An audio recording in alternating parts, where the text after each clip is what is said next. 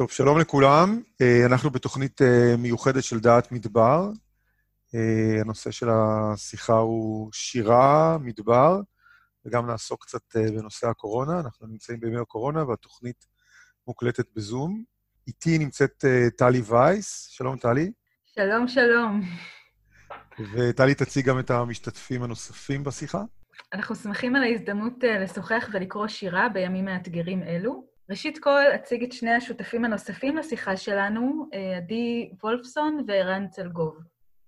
אני אציג את עדי. עדי וולפסון הוא משורר, פעיל סביבתי, מומחה בתחום הקיימות ואיכות הסביבה, ופרופסור להנדסה כימית. וולפסון פרסם עד כה שישה ספרי שירה וספר עיון בנושא קיימות, וזכה במספר, במספר פרסים, ביניהם פרס היצירה לסופרים ומשוררים על שם ראש הממשלה לוי אשכול, שיריו פורסמו בעיתוני ספרות ובאנתולוגיות ותורגמו לשפות שונות. אה, אלו הדברים העיקריים אה, על עדי, עוד מעט גם יוסיף לנו. ערן צלגוף הוא משורר, מתרגם ומאייר, חי וכותב מבאר שבע, מתעניין ומרצה על הקשר בין האתי לאסתטי ובין הפואטי לפוליטי, על במות חוץ אקדמיות ואקדמיות, מתרגם מאנגלית וספרדית בעיקר, הוא מקים את הוצאת רעב הבאר שבעית, שקמה כדי לאתגר את האופי ההומוגני מדי, לדברו, של הספרות הישראלית. ספרו השליש, השלישי, פרוטזה, אה, יצא לאור אה, בקיץ 2019 בהוצאת פרדס. גם ערן יוכל להוסיף עוד קצת על עצמו עוד מעט. קיים היום שיחה סביב שירה מדברית, נעשה היכרות קצרה עם מגוון שירים העוסקים במדבר כמרחב וכסמל, תוך דיון בפואטיקה המאפיינת שירה מסוג זה, ובאופן בו היא משקפת תמורות בחיי האדם, בחברה ובהיסטוריה. אבל לפני כן, מכיוון שאנו בימים מיוחדים, ימים של מגפה עולמית, יש לנו צורך, קודם כל, לחשוב בקול על תפקיד השירה בימי משבר כימים אלו, או בפשטות, השאלה, כפי שניסח ערן, למה לי שירה עכשיו? אז נפתח איתך, ערן, מהו תפקיד המשורר בימי משבר, וכיצד אתה חווה את הימים הללו כמשורר? אני חווה את הימים האלה כמין איזה שחיקה הולכת ונמשכת של כל מה שיש סביבי, וזה מלווה גם במין שתיקות כאלה, ו... אפשר לחפש את הסיבה שבה יש לכל הדברים האלה, אני לא בטוח שאני מוצא. אני כן מחפש, ואני רוצה להאמין שהאסתטי, שהשירה היא חלק ממנו, יכולה לתת לנו איזושהי נקודת אחיזה, למרות, הכל ובגלל הכל, אה, להמשיך ולרצות לחיות. אוקיי, okay, בוא, בוא נדבר אבל גם על הנושא הזה של באיזה אופן שירה תורמת לנו, או מחזקת משהו בימים האלו. אני למשל מסתכלת על השירה בימים האלו כמקור של נחמה. באמת, שירים מרגיש, מרגישים לי כמו איזו מקפצה לאיזה תדר הרבה יותר גבוה, ו, ומשהו שבעצם אה, גורם לי להביט על דברים אחרת, לשכוח לרגע מהקיים, אה, ליצור איזה רגע פשוט של אה, התבוננות אחרת, אה, וזה מחזק אותי. יש לך הרגשה דומה? אני לא חושב ש...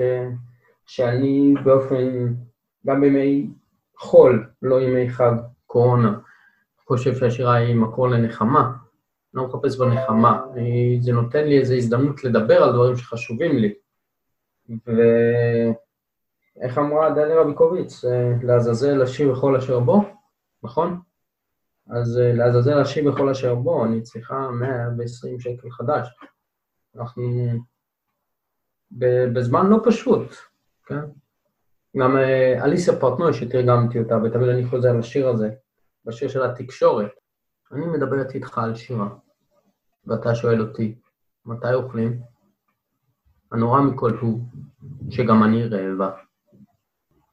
כלומר, השיר לא... הוא לא צורך, אה, אפשר לחיות מעולה בלי שירה. השירה לא, לא, היא לא משהו שצריך כדי לחיות.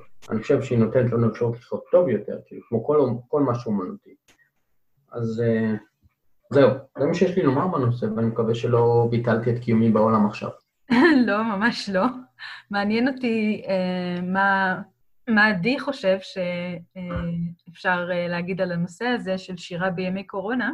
אז אה, עדי, אני מזמינה אותך להציג את, ה, את קו המחשבה שלך, נשמח. ושלום. כן, שלום. שלום טלי, שלום ערן, ושלום לכולם. אה, תראו, כמו שערן אמר, אנחנו בתקופה מאוד מאוד אה, קשה, כי יש בעצם איזשהו חוסר בהירות, משהו שלא צפינו שיקרה לנו, ותמיד מה שלא צפוי הוא הכי מדאיג, מפחיד, ובעיקר אנחנו לא יודעים לאן זה הולך כל יום ומה יהיה אחרי. אני חושב שבשירה, בשבילי, היא מקום ש... שאפשר לומר במעט מילים, אה, כל מיני מחשבות וכל מיני הרגשות, אה, אה, לחלוק את המילים האלו, את המחשבות והרגשות האלו עם אנשים אחרים. אם אתה שולח למישהו שיר, או היום מפרסם שיר, לאו דווקא שיר שלך, אני רואה הרבה ברשתות, בקבוצות, שאנשים כן מפרסמים שירים, שמה שפנים בשיר הזה עכשיו מתחבר להם ליום-יום הזה, ו- וזה הכוח אולי של שירה, אני פחות אוהב לדבר על התפקיד של השירה, אבל יש לה כוח במשהו מצומצם לומר הרבה יותר מזה, ושכל אחד מהקוראים הוא בעצם לפחות uh, בחלק, uh, בעיניי חלק גדול אפילו, הוא קצת כותב את השיר. הוא מכניס את העולם שלו, את מה שעכשיו הוא חווה, את מה שיש, ולכן אני חושב שבהחלט השירה היא עוד דרך לתקשר עם מה שקורה בעולם הזה, בינך לבין עצמך, עם אחרים, ולקוות לטוב. יפה, מעניין, תודה, עדי. אני רוצה להגיד שאני כמשוררת, אני חווה איזשהו דבר מוזר, אה, או אולי לא כל כך מוזר, אני בעצם מתקשה לכתוב שירה על הדברים שאני חווה כרגע. אה, הרבה פעמים קורה שאני כותבת שירה על דברים שהיו באמת חזקים ומשמעותיים בחיים שלי, אבל אני כותבת עליהם ממרחק הזמן. אחרי שבעצם עבר לא יודעת, אפילו עברו שנים, כן? ואני יכולה לחזור באיזשהו מקום אה, פנימי אל המקור של הכאב או המקור של החוויה המטלטלת שעברתי, ולהיות מסוגלת לכתוב על זה. ולכן אני עכשיו מוצאת את עצמי באיזשהו מצב מוזר שאני לא מצליחה לכתוב על מה אני חווה כל כך בזמן הזה. כן ממשיכה לכתוב שירה, אני מרגישה שזה משהו תרפויטי לגמרי בשבילי עכשיו, כתיבה היא בעצם כלי עזר בשבילי, גם בשוטף, אז כל שכן בימים האלו כשאני נמצאת בבידוד. כן, אני חושבת שאולי בעתיד אני אצליח להסתכל על הימים האלו ולהגיד עליהם משהו מעניין אה, ממרחק הזמן. יש אולי מי מכם שמזדהה עם, ה, עם העמדה הזאת שלי? כן, טלי, תראי, אני, אני רואה כבר פה ושם אנשים שכותבים שירים על הקורונה, מזכירים את השם קורונה, אה, כבר מאבדים את הסיטואציה הקיימת, אה, אבל אני משער שבמרחק הזמן, כמו הרבה פעמים בכתיבה ובשירה, צריך איזשהו תהליך אה, פנימי וגם פרספקטיבה, אז אני משער שבמרחק הזמן נראה הרבה יותר אה, כותבים שיכתבו על דברים שכאלו, גם בשירה. אני משער שזה מה שיקרה. כן, אני גם חושבת, וזה יכול להיות ממש מעניין מה, מה יצא מכל התקופה הזאת, אילו ספרים יצאו, מה יהיה האופי שלהם. כבר עכשיו יש קולות שאומרים שהם קוראים אה, ספרים מסוימים או רואים סרטים מסוימים והם פתאום נראים להם לא רלוונטיים, אז זה אה, קצת אה, אה, מוזר. אבל ערן, יש לך משהו להגיד על זה מבחינת אה, אופי הכתיבה שלך אה, בימים האלו, האם משהו קצת השתנה או לא? אה, אני תמיד כותב מתוך החיים שלי, ועכשיו הקורונה היא חלק מהחיים שלי, היא קשורה אליי לרגל כמו איזה כלב גדול, נכון? שאני לא יכול להימלט ממנו. אז uh, בוודאי ש... עולים וצפים בי כל מיני דימויים ומחשבות, ושמן הסתם, אחרי כמה זמן זה ייגרס וייצא לתוך איזה משהו שאולי אני אחשוב שזה, שזה שיר, אבל כן, זה לוקח זמן, גם זו חוויה ש, שלא היינו מוכנים אליה. אנחנו נמצאים במין איזה סוף עולם כזה, דל תקציב כזה, בלי פיצוצים, בלי זומבים. כאילו אם הערוץ הראשון היה מפיק אה, סרט על סוף העולם לפני 20 שנה, ככה זה היה נראה. כאילו מין שחיקה כזאת, ושתיקה כזאת, ומין אפוריות כזאת של... אה, איפה גודזילה שהבטיחו לנו? איפה כל הזומבים? התכוננתי לסרטים האלה.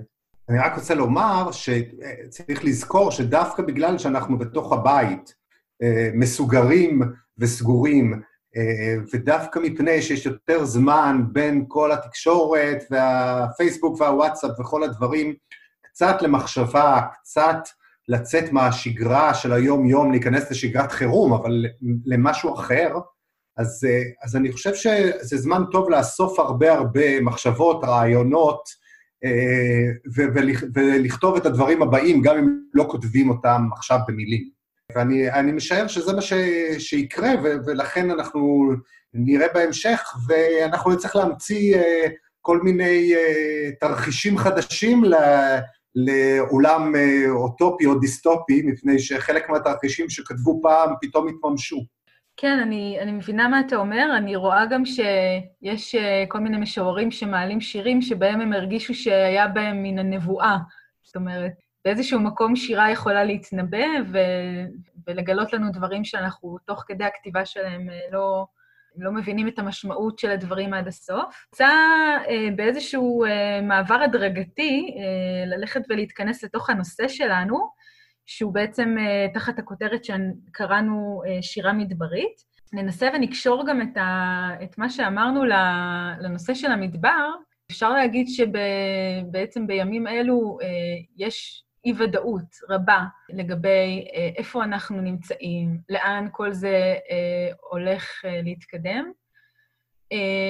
והמדבר הוא מרחב כזה שגם יכולה להיות בו אי-ודאות רבה, וגם איזשהו מקום שאני אישית מרגישה שיש בו דברים מוזרים שקורים במדבר, כלומר, יש דברים שקורים רק במדבר.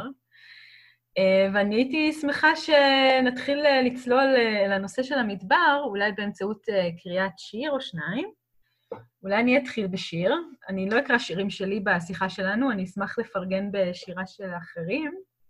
אני אקרא שיר של משורר צעיר בשם אלנתן מאיה, מתוך ספר נהדר. השיר נקרא "כשאני מוצא זמן".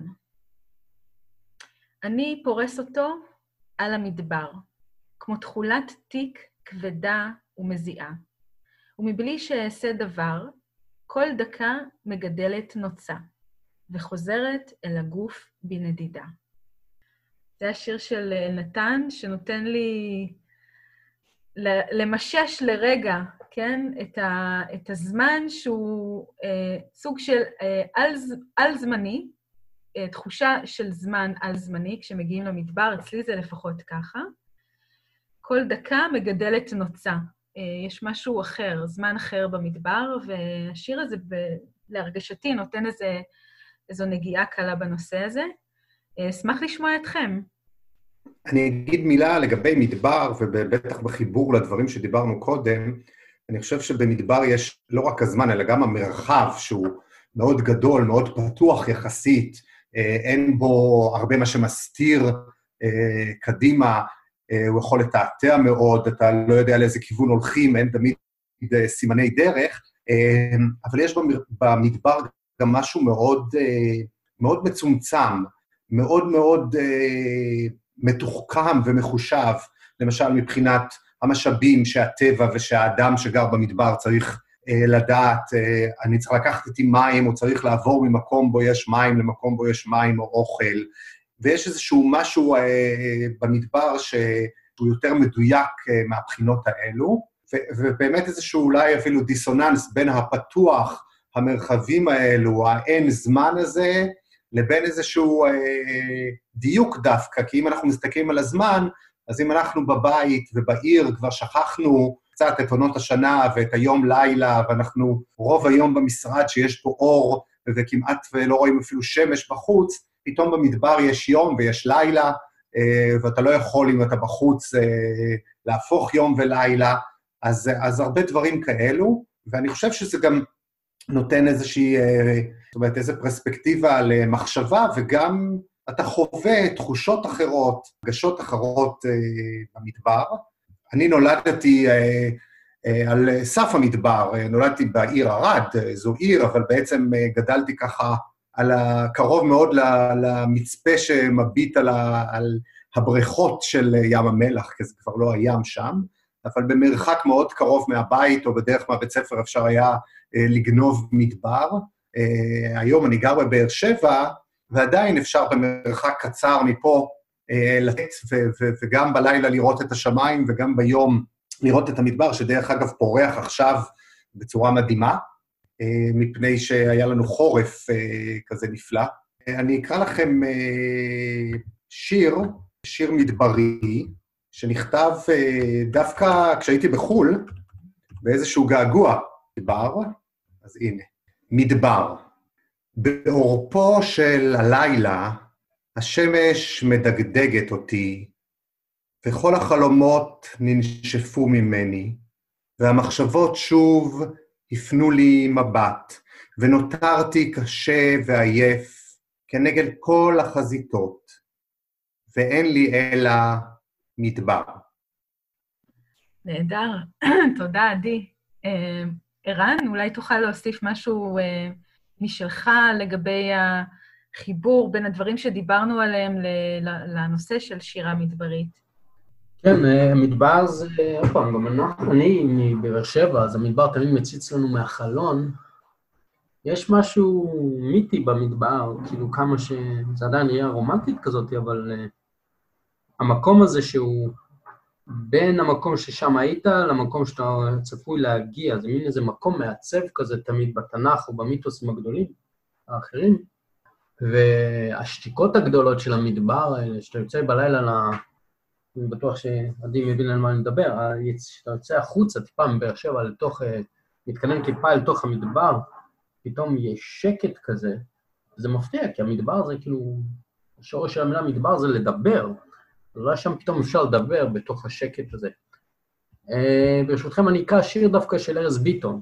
ודאי, אז זה, אני, זה שיר של ארז ביטון, שארז ביטון מספר שאת השיר הזה uh, הוא כתב אחרי שהוא ישב עם עמיחי ב... במונית, ואז הוא ביקש מעמיחי שעמיחי יתאר לו את המדבר. עמיחי פשוט החזיק לו את היד ולא אמר כלום. ואחרי זה הוא אמר, עכשיו אני מבין מה זה מדבר.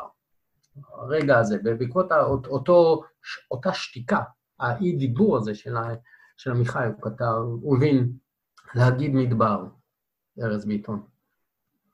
ידך השותקת שרטטה לפניי נאות מדבר ירוק על ירוק. כמו בכלים שלובים, יד נוגעת ביד, עברו דרך עיניך אליי גדולת הדיבר ופלא הסנה הבוער. המיתולוגי פה, מה שדיברתי עליו, כל כך בוער, גם השתיקה, גם הדיבור וגם המדבר כמשהו שהוא, יש לו איזה יכולת מעבר לדיבור לדבר. זה מה, ש, זה מה שמרתק אותי במקומות שהם נקראים מדבר. שפה אתה פתאום הופך כאילו להיות כמו נמלה על צלחת, ללא קווי מתאר, והכל נפרס לפניך. נהדר, ערן, תודה. אה, אני רוצה לקרוא שיר של נתן יונתן, שנקרא בשלהי קיץ בסוף העולם. אפרופו סוף העולם שדיברנו עליו. ראיתי גמל בשלפי הדרום הרחוק. באדישות נצח העלה גרה. דוח קצר זה יישאר עדות מצערה לרגע בחיי אדם, פעימת לב, שהות קצרה של כמיהה עמומה לאחווה בין אדם לגמל, שהעלה גרה. את טחול השמיים, ובאדישות מדברית שם לאל את הרגע הנואל שקוראים חלום. אבל השלף היה, והדרום הרחוק, ועדות זו נרשמה כחוק בספרי המסע, וכל זה נחתם באוקטובר אחד, בשלהי קיץ, בסוף העולם.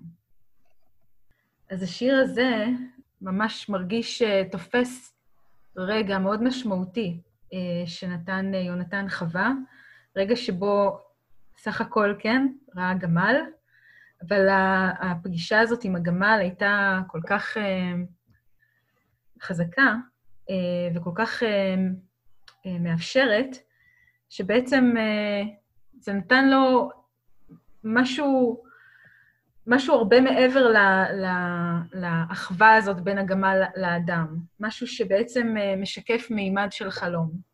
ואת זה גם אפשר לראות בשירים נוספים של אה, נתן יונתן שמצאתי במדבר. אולי אני אקרא עוד שיר של נתן יונתן, אה, שנקרא את המדבר ההוא. כאן המדבר הוא בהקשר אחר לגמרי. את המדבר ההוא כבר לא נוכל עוד פעם לחצות. להיזכר זה משהו אחר. החסד האחרון לפני פרידה. הנה, בין ההרים אחד הנערים גבו לעפר, עיניו לשמי שמיים. אב הרחמים והסליחות, מלך הזמנים, הלא צבא לאנוש עלי ארץ, הנה, אחד מרבבותיך, הקטן באלפי מנשה. תרמיל אנגלי קשה, שלוש שאים קמח, מימייה ריקה. נער אחד עייף, תמיד במאסף, מסתיר את הייאוש בתוך קרעי הסוליות הכואבות. אולי יוקח נא מעט מים להשקות ילדים, נחים בחגור כבד.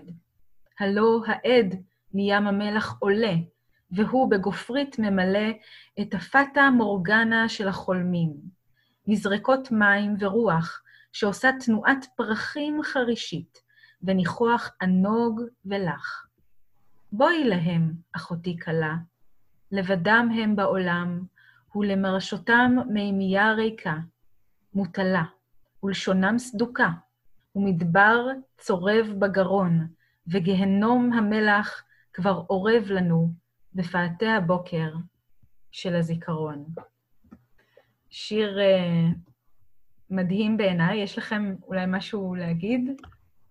Uh, טלי, אני חושב שגם uh, בשיר שאת, uh, שני השירים שקראת, גם מה שערן קרא קודם, יש, רואים שיש משהו שונה, שהוא נכון תמיד, אבל הוא נכון גם לנושא שאנחנו מדברים עליו, מדבר, בין אלה שכותבים על המדבר מבחוץ, כאורחים, כאלה שעברו על יד, שיש להם את הסימני דרך האלה, את ה, את ה, את ה, גם קצת את, ה, את התפיסה הזאת של איזה יופי ואיזה מיוחד, אבל זה קצת רחוק וקצת כזה רק לחופש, להתבונן ואז לחזור לטבע הרגיל שלך, לבין אלו שכותבים במדבר, אלו שחיים במדבר וכותבים את המדבר. כי כשהם חיים במדבר, גם אם הם לא חיים אה, ממש, כן, אה, בתוך, ה, אה, בתוך אוהל או, או, או כל היום מטיילים בחוץ, אבל כשהם פותחים את החלון והם רואים מדבר, וכשהם הולכים קצת החוצה, או כשהמזג אוויר הוא מזג אוויר של מדבר, אז אני חושב שהם, שזה נכתב אחרת. זה, זה, זה כותב את הבית שלהם, זה כותב את האני שלהם, ולא רק את המתבונן מבחוץ. זה מה שאני הרגשתי מהשירים ש... שככה אה, קראתם, ואולי אני אקרא שיר של המשורר אה, משה אוחיון, שגר בדימונה, אה, וכתב כבר מספר ספרים, והרבה מהשירים שלו הם שירים שמתכתבים עם המדבר, מדברים על המדבר, כמי שחי במדבר, כמי שמטייל בחוץ, מסתכל. הספר הראשון שלו נקרא חול ולימונים, ובספר יש שיר שנקרא בכל הצהוב הזה. זה המדבר, להגביה ולהנמיך בפסיעה אחת, כשהרוח מתעתעת במותניך, פקעות ששרדו את החורף, מדבר, להולכים לצד שטחי המרעה שיבשו, לרמסים בגדולתם השלוחים אל המחילות, להוביל מסעות באבן הלוהטת, מדבר, לכל מה שנועד לעוף ברוח, לעמלים, לפורצי הדרך, לאבנים מצטופפות, לאשרות נשימה, למטוטלת, שבין השמחה לכאב, השתיקה למילים. משה אוחיון. אה, רציתי להגיד תודה, עדי. לגבי מה שאמרת על אנשים שכותבים מתוך החוויה שלהם כגרים במדבר, לגבי אנשים שכותבים על המדבר כבאים אליו לביקור, בשירים, שאני לפחות אה, נתקלתי בהם, המדבר יש לו נוחות אה, חזקה בכל מקרה, גם, גם אם היא ברמת הסמל, גם אם היא ברמת איזשהו משל או דימוי למשהו אחר, אפשר להגיד שאני לא, אני אישית לא, לא רואה שבעצם זה שאדם הוא לא חי במדבר, המדבר אה, הוא באיזושהי עוצמה פחותה יותר או פחות אה, מהדהדת בשיר כאשר אה, הוא מופיע בו. יש פעמים שמשוררים לוקחים את המדבר למקום הפשוט של מקום צחיח, יבש וקשה, ואני רוצה לקרוא שיר שמדגים את זה, שיר שכתב המשורר שחר מריו מרדכי. הוא קרא לשיר "אלה הדברים". במדבר הזה דרושה השתדלות להירדם, ואחר כך נדרש מאמץ להשכים. יש דברים שאני רואה בעבר הירדן. בית מלא כל טוב, אשר לא מילאתי. אב, שעל כתפיו ילד, אשר לא הבאתי. בני זוג מתנשקים. בסוף אני נרדם, ואז אני חולם. תראו, מאחוריי המדבר הגדול והנורא ההוא. אני בבית, שמילאתי את כל טובו, ועל כתפיי איני נושא את הר נבו. נראה לי שהשיר מדבר את עצמו. אה, רן, יש לך משהו להגיד? אני חושב ששוב ושוב חוזר הנושא הזה של דיבור במדבר, זה מה שמעניין אותי, אני רואה בשירים האלה, עוד פעם, את העניין של הדיבור. קול קורא במדבר, יש איזה משהו כנראה שמזמין אותנו לדבר עם המדבר, להקשיב למדבר, אולי בגלל שזה תמיד המתח בין, ה... בין התרבות שמנסה להדביר את המדבר, והמדבר מנסה לדבר חזרה בשפה שהוא מבין. אני אשמח לקרוא שיר. אני חושב שהוא שיר על מדבר, למרות שאין שם את המילה מדבר. זה דווקא שיר שלי, מתוך uh, הספר הראשון, בחירות. בין שודדי הדרכים לפיראטים, תמיד העדפתי פיראטים. כמו השודדים, הם מטילים אימה בטרם, נזק ואבדות בנפש אחרי. אבל, לא כמו השודדים, הפיראטים לא משאירים עקבות, והים אינו מלא. ואני חושב שזה שיר של מדבר, למרות שעוד פעם, אין פה את המילה מדבר, וזה על ה... בגלל על המתח הזה, איך, איפה משאירים עקבות ואיך אפשר להשאיר עקבות? מה ההבדל בין, בין, בין ים לבין מדבר? שזו שאלה שתמיד עניינה אותי, כי אני נמשך יותר למדבר, ואני יודע שיש אנשים שיותר נמשכים לים, ו... אפשר לאהוב גם את המדבר וגם את הים, הכל טוב. הכל טוב. אהבה שלמה לשני המרחבים הללו. נכון, ועדיין, אני, אני, משהו במדבר יותר, תמיד יותר מסקרן אותי אה, באיזשהו אופן.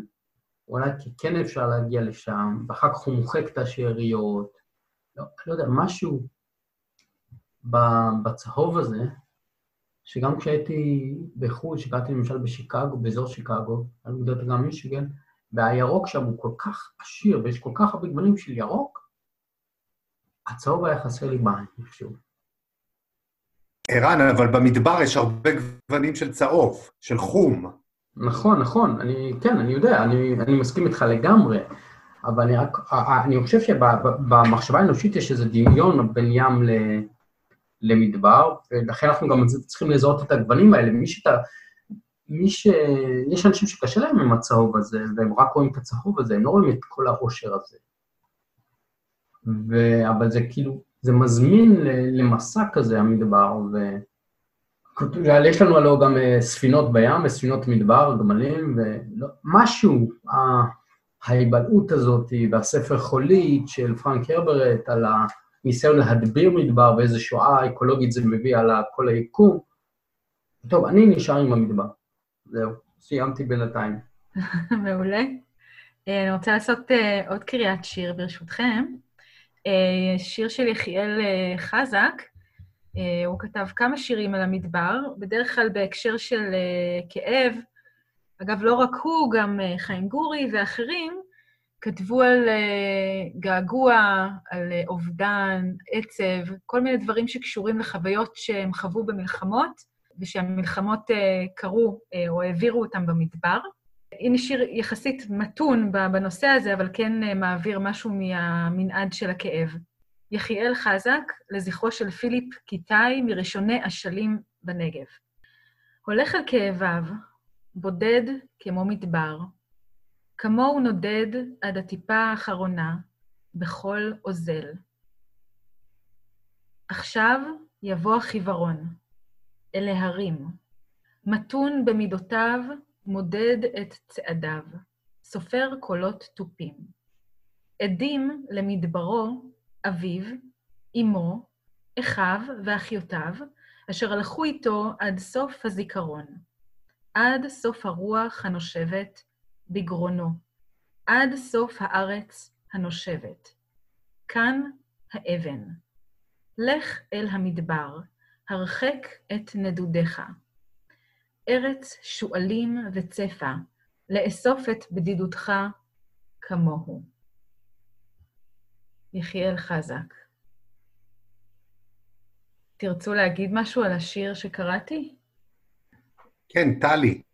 כן. אני, אני עוד פעם, מצטער שאני חוזר, אבל גם השיר הזה, וגם עוד פעם שירים שגורי כתב הרבה פעמים, הם עם איזושהי ערגה לאותו מדבר שהם חוו באמת במלחמות, עם הרבה אבדות של אנשים, ופחות אה, למדבר, אה, לחיים במדבר, לחיות של המדבר, להתרחשות שיש במדבר.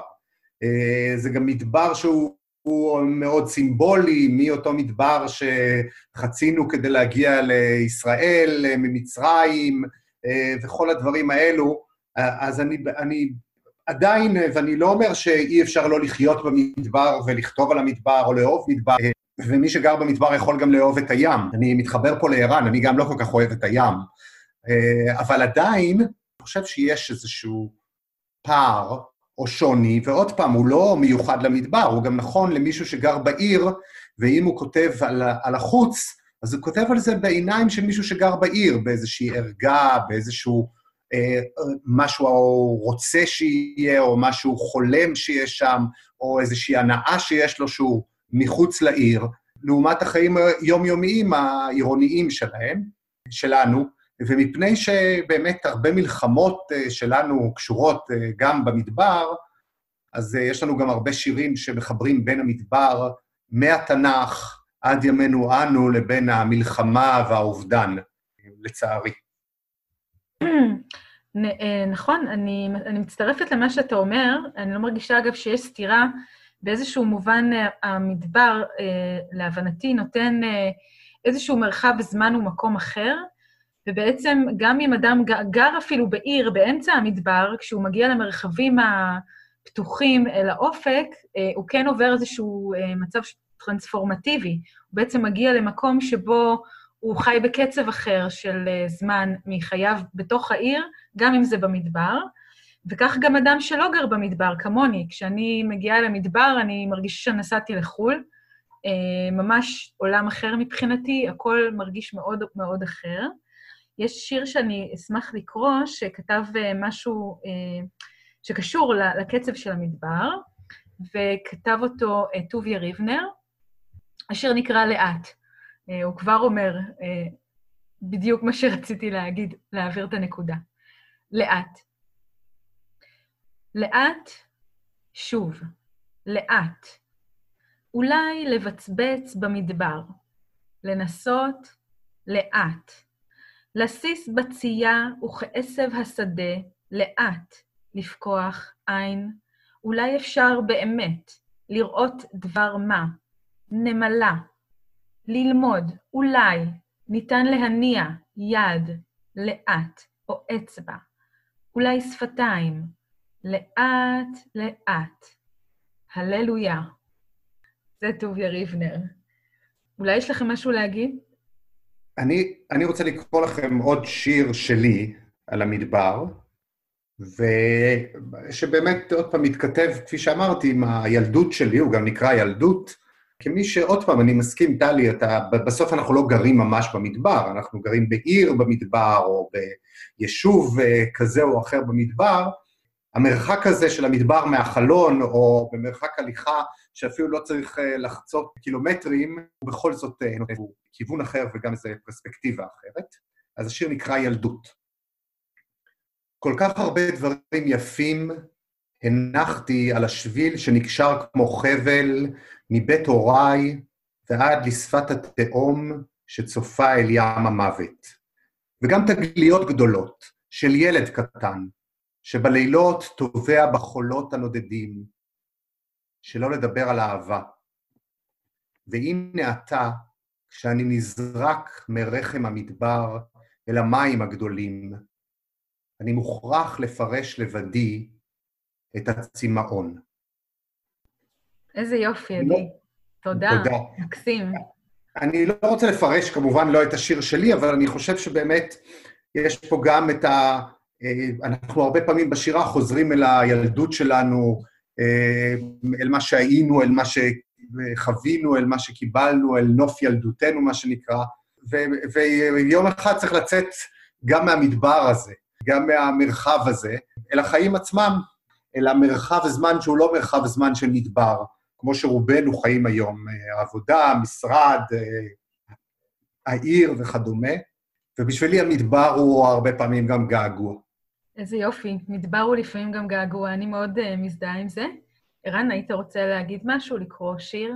אני רוצה uh, להציג ספר שהייתי גם רוצה להמליץ עליו, ספר שנקרא שפת מדבר, שכתב uh, דוד רשתי, שהוא במקרה איתנו בשיחה, כשותף שקט, וגם פתח את, ה, את המפגש שלנו.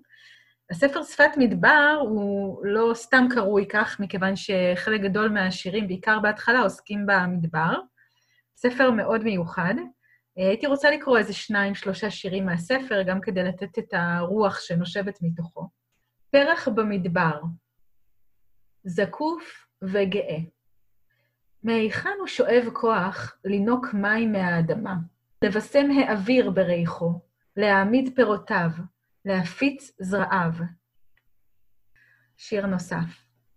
לא לכל הנחלים במדבר ניתן שם. יש המתחילים כתקווה גדולה, במפער צר מראש ההר, ונשפכים במהרה לערוץ רחב.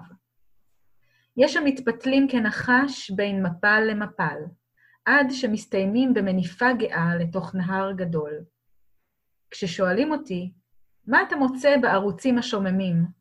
אני מספר על יופי סמוי ושלווה. ושיר אחרון. בחושך נכנסתי למדבר נמיב, ובחושך יצאתי ממנו. המדבר נשאר דומם, רוח קלה נשבה, כיסתה בכל את תקוותיי. לא נותר כל זכר להיותי, רק פיסות דקות של זיכרון במדבר ראשי. אה, מכיוון שדודו הוא שותף שקט לשיחה שלנו, אבל עדיין יכול להצטרף, אה, אני אשמח לשמוע על החוויה שלך בפרסום הספר אה, עם כל שירי המדבר שלו, ואיך אתה מבחינה אישית פוגש את המדבר בשירה ואת השירה במדבר. מדבר מלווה אותי הרבה מאוד שנים, בנדודים, בנדודים גם אל המדבר ומהמדבר. זאת אומרת, אני מוצא את עצמי בתנועה מתמדת. ותמיד חשבתי שאני יוצא דופן, ואז גיליתי אה, בשנה האחרונה בעיקר הרבה מאוד אנשים שגם נמצאים בתנועה הזאת, של להיכנס ולצאת מהמדבר, לבוא ולחזור, כל הזמן להיות uh, באותה תנועה. ואני חושב שהספר הזה היה מין uh, מאמץ די גדול, שאת עזרת הרבה בו, ותודה לך, להוציא לאור את הדברים האלה שהצטברו במשך הרבה מאוד שנים. לנסח אותם בצורה יותר מדויקת, כי זה תהליך. אני רוצה להגיד עוד משהו לגבי הדברים שדיברנו עליהם גם בהתחלה של השיחה וגם uh, עכשיו, שלי, בתור אדם שחי במדבר לאורך השנים, תקופות, תמיד קיימת במדבר ציפייה, לפחות אצלי, גשם. וגשם, למי שחי במדבר, באזורים מסוים, מסוימים גם נותן את הציפייה לשיטפון. שיטפון זה אירוע מאוד גדול במדבר. כי השיטפון הוא דבר שמנקה ומטהר, אבל הציפייה הזאת לגשם, אה, וכמובן לשיטפון, היא ציפייה ללא נודע. כי יש המון המון אי-ודאות אם בכלל יבוא גשם, ואם הוא יהיה מספיק עוצמתי כדי להביא איתו שיטפון. ואני חושב שאנחנו, בהתייחס לאיפה שאנחנו נמצאים כרגע, בזמן, אה, דבר הזה שאנחנו קוראים לו קורונה, או התקופה הזאת, אנחנו נמצאים גם בציפייה שכזאת. שבעצם יהיה איזה ניקוי ורגיעה, אבל ממש ממש לא ברור לנו מתי זה יקרה. ואני גם רוצה להקביל את זה לדבר אחר שקיים אצל אנשים שלא חיים במדבר, וזה קשור אולי גם קצת לסתיו, אני יודע שזה קצת. לוקח את זה למקומות אחרים, אבל הסתיו מת, מת, מתקשר אצל רבים מאיתנו לשלכת. כשאנחנו מסתכלים על עץ בשלכת, אז הוא בעצם נמצא בסוג של מדבר לעש... לעצמו. ואנחנו עדיין, אנחנו לא יודעים מתי בעצם תבוא השלכת, כי כדי שתהיה שלכת לעץ מסוים, אז הרוח צריכה להיות מספיק חזקה כדי להוריד ממנו את כל העלים. וזה גם אי-ודאות מסוימת. אה, אז האי-ודאות סובבת את חיינו בהרבה מאוד מקומות, גם, שלא, גם שאנחנו לא חיים במדבר, ואני חושב שגם אנחנו נמצאים עכשיו בתקופה כזאת, מאוד uh, בבירור. מתי תבוא אותה רוח, אותו שיטפון, שינקה ויטהר, ובעצם uh, יאפשר לנו להתנקות מכל הדבר הזה שאנחנו נמצאים בו. ואם אני חוזר לספר שלי, שזאת נקודת השאלה שלך, אז אני חושב שבספר שלי גם הייתה, היה סוג של התנקות.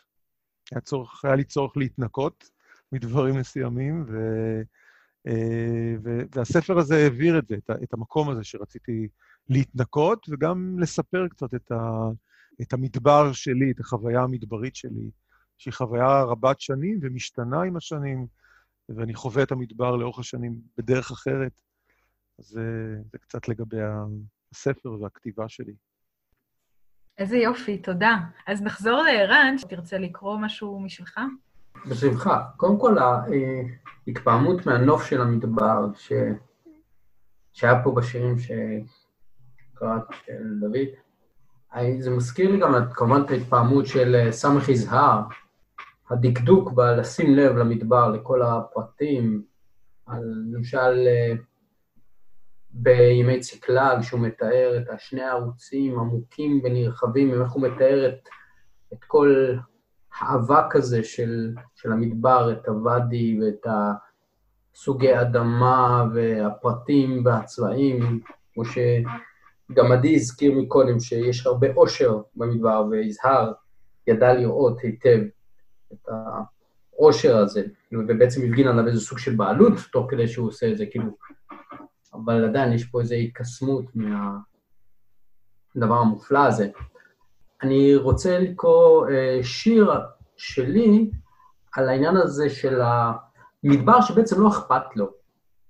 כאילו, אנחנו נשאר או נלך, הוא, הוא כאילו, האדישות הזאת, יש איזו אדישות של המדבר לקיומנו, כמה שאנחנו מנסים, כאילו, הוא תמיד חוזר איכשהו.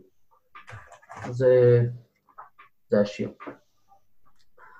האבק בחדר הזה נוזל עייף מהתריסים, ונוגע באוויר במיליונים של קווים, והוא פורס עצמו כמו בן בית על המיטה, הוא מתרפק על הספרים החדשים והישנים, ללא הבדל, ללא מסור, ויש בו רגעים שהאהבה כמעט פלומת אוויר רכה עושה עצמו שקט כזה, של תתחילו בלעדיי, אני לא פה, והוא עוטף הכל כמו זמן נראה במקרוני האור הכי קטנים על הפנים, שיער, חזה, ירך שלך, ולא מרפה ולא הולך לשום מקום, גם כשנצא הוא יישאר, ולא ישאל מתי נחזור, גם אם נמות וגם אם לא, מאז ועד בכלל. נהדר, תודה ערן. אה. אני רוצה אה, לקרוא עוד שיר, שיר קצר של נורית זרחי, קודם כל. אה, משהו בסגנון המאוד מיוחד שלה. עופו ציפורי מדבר. עופו ציפורי מדבר, שכנפיהן זהב שוקף, בהידלק מנורות קלף, קוראות, יוקירי, יוקירי, חותכות מעל המים, כחולי בלתי אפשרי. זה הציפורי מדבר של נורית המקסימה. והנהדרת, והייתי רוצה לקרוא את שיר של משוררת uh, בשם אורה הרמוני, uh, שאפילו כתבה ספר במדבר דברים, נדמה לי קוראים לו, שעוסק הרבה במדבר. השיר נקרא ניסיון נואש להיאחז בריח המדבר. לא לתאר ביקשתי אתכן המילים, להיות ביקשתי, לחיות. זו הפעם להיאחז בריח מדבר ומלואו. לא לתת לו לחמוק. להיות ריח עדי בוקר, צעיפי געגועים חולפים בלחישה. להיות ריח כוח מתפרץ, ריח חולשה. להיות ריח חם, ריח דם, לידת שמש, קורת ירחי מצוקים.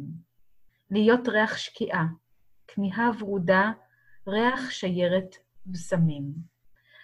ריח ראש ולענה להיות, צורב, ריח זיעת אוהבים, להיות, מלח, כאב, להיות ריח נשימת חליל צרודה, אנקת מיתרי צ'לו, ריח תבוסה, ריח גבר, ריח אישה.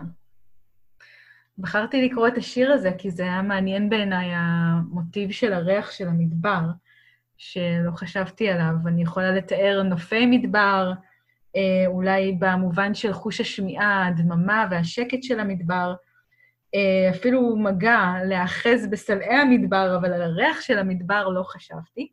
ואורה נותנת פה, אורה הרמוני, איזשהו מבט יפה ש, של ריח, שאגב, נורא קשה לתאר ריח. לא רק בספרות, גם בשירה, שכמובן לא נוכל אה, לקרוא ולדבר על כל האספקטים של שירה מדברית, ויש המון כאלו, אבל אנחנו מתחילים אה, להתקרב לסוף. אה, עדי, תרצה כן. משהו?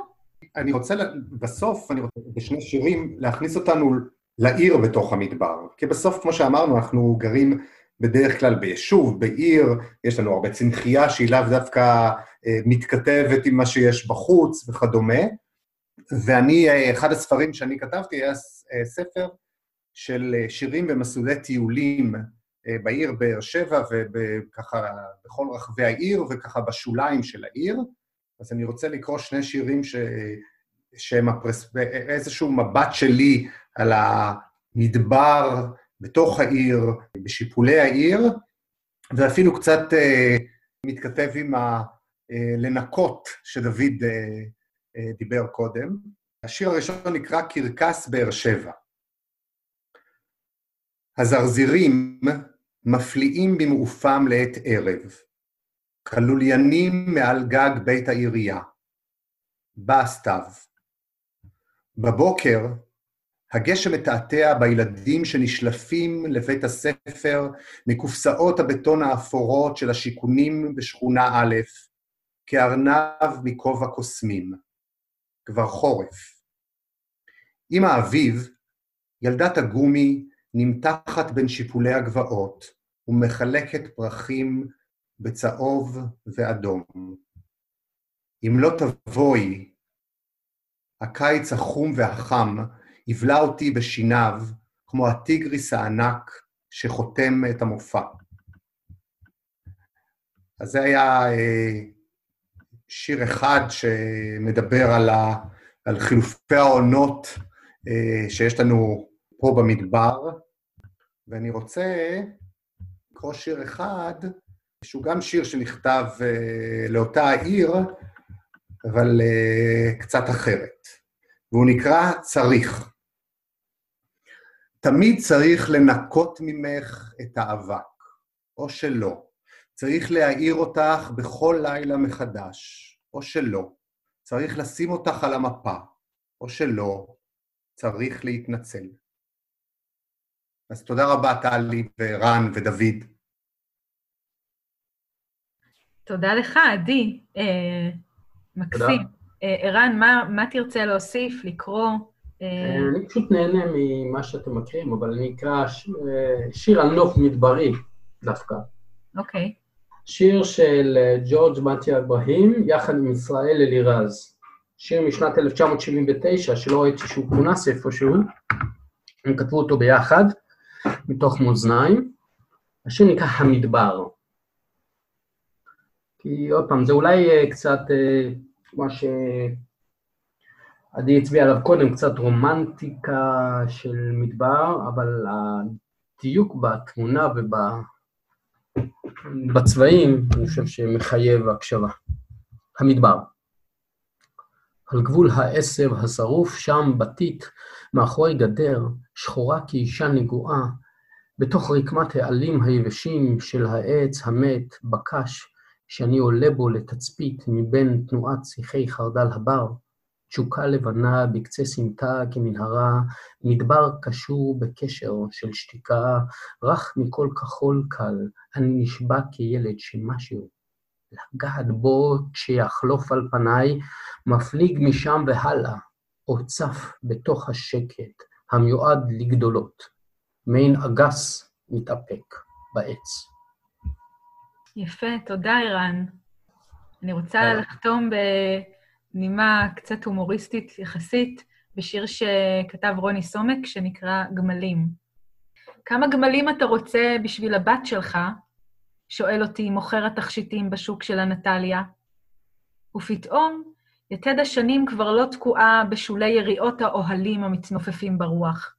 ככה זה, אתה מוליד ילדה ליד שאריות הפרדסים בפתח תקווה, מגדל אותה קרוב לחיות המפהקות בספארי של רמת גן, והנה, שטיחי מדבר נפרסים מתחת לרגליה. ואני מקשט בחרוזי ענבר את האוכפים שחלפו פעם בחמסין מנואבה לרס מוחמד. אז היו ימיי חולות נודדים. זהו, אנחנו כבר uh, מפליגים כמעט שעה לתוך uh, השירים, והיינו יכולים כמובן להמשיך עוד ועוד, כי אני, לפחות כשהתחלתי לאסוף חומרים לנושא של הסדנה שלנו, של שירה מדברית, ראיתי פשוט, וואו, המון המון המון שירים בהרבה מאוד ספרים. יהודה, אצל יהודה עמיחי, אגב, לא, לא התייחסתי אליו כמעט. יש המון המון שירים שקשורים למדבר, ולעוד הרבה אחרים, ולא נגענו בהם, אבל אין מה לעשות, לא ניתן אה, לגעת בנושא הכל כך רחב הזה בכל כך מעט זמן. אבל כן אפשר לתת טעימה, ואני מקווה שאת הטעימה הזאת אה, הענקנו לכל המאזינים שלנו והמאזינות. אני רוצה להגיד תודה שוב לדוד רשתי, שאירח אותנו לפודקאסט הזה, לעדי וולפסון, לערן צלגוב, אני טלי וייס, משוררת ועורכת, שמחתי להנחות את המפגש הזה. אז תודה לכולם, אני גם אחתום ואגיד שזה היה ממש אה, מרתק אותי, באופן אישי, והייתה תוכנית ארוכה מהרגיל. תודה לערן ותודה לעדי, וטלי, המון המון תודה.